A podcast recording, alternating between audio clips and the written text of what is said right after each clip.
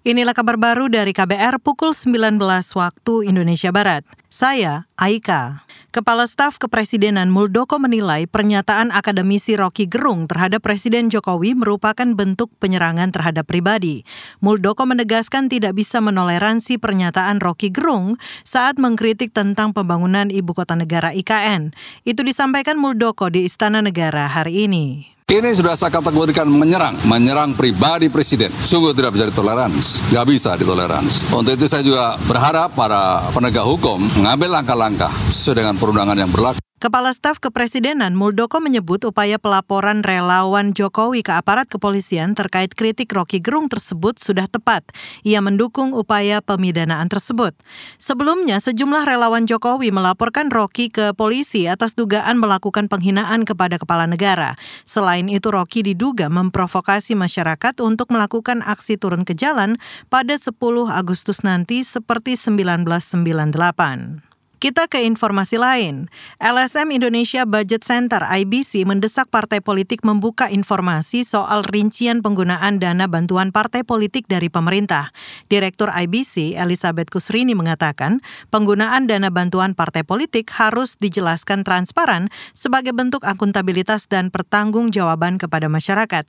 Menurutnya, parpol sebagai badan publik harus mempublikasikan rincian banpol di situs resmi parpol atau di media massa maupun akun media sosial. Mengacu pada aturan keuangan parpol itu peruntukannya seperti itu 20% untuk kesehatan, 60% untuk pendidikan politik. Direktur Indonesia Budget Center IBC, Elizabeth Kusrini juga mendorong partai politik untuk melaksanakan pendidikan politik terhadap masyarakat dalam penggunaan dana bantuan partai politik ini.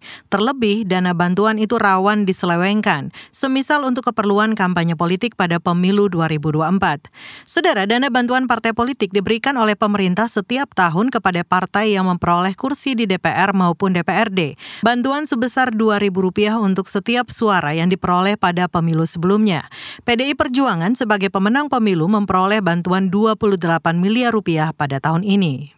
Kita ke Jawa Timur. Status Gunung Ijen yang berada di perbatasan Kabupaten Banyuwangi dan Kabupaten Bondowoso turun dari level 2 atau waspada ke level 1 atau normal.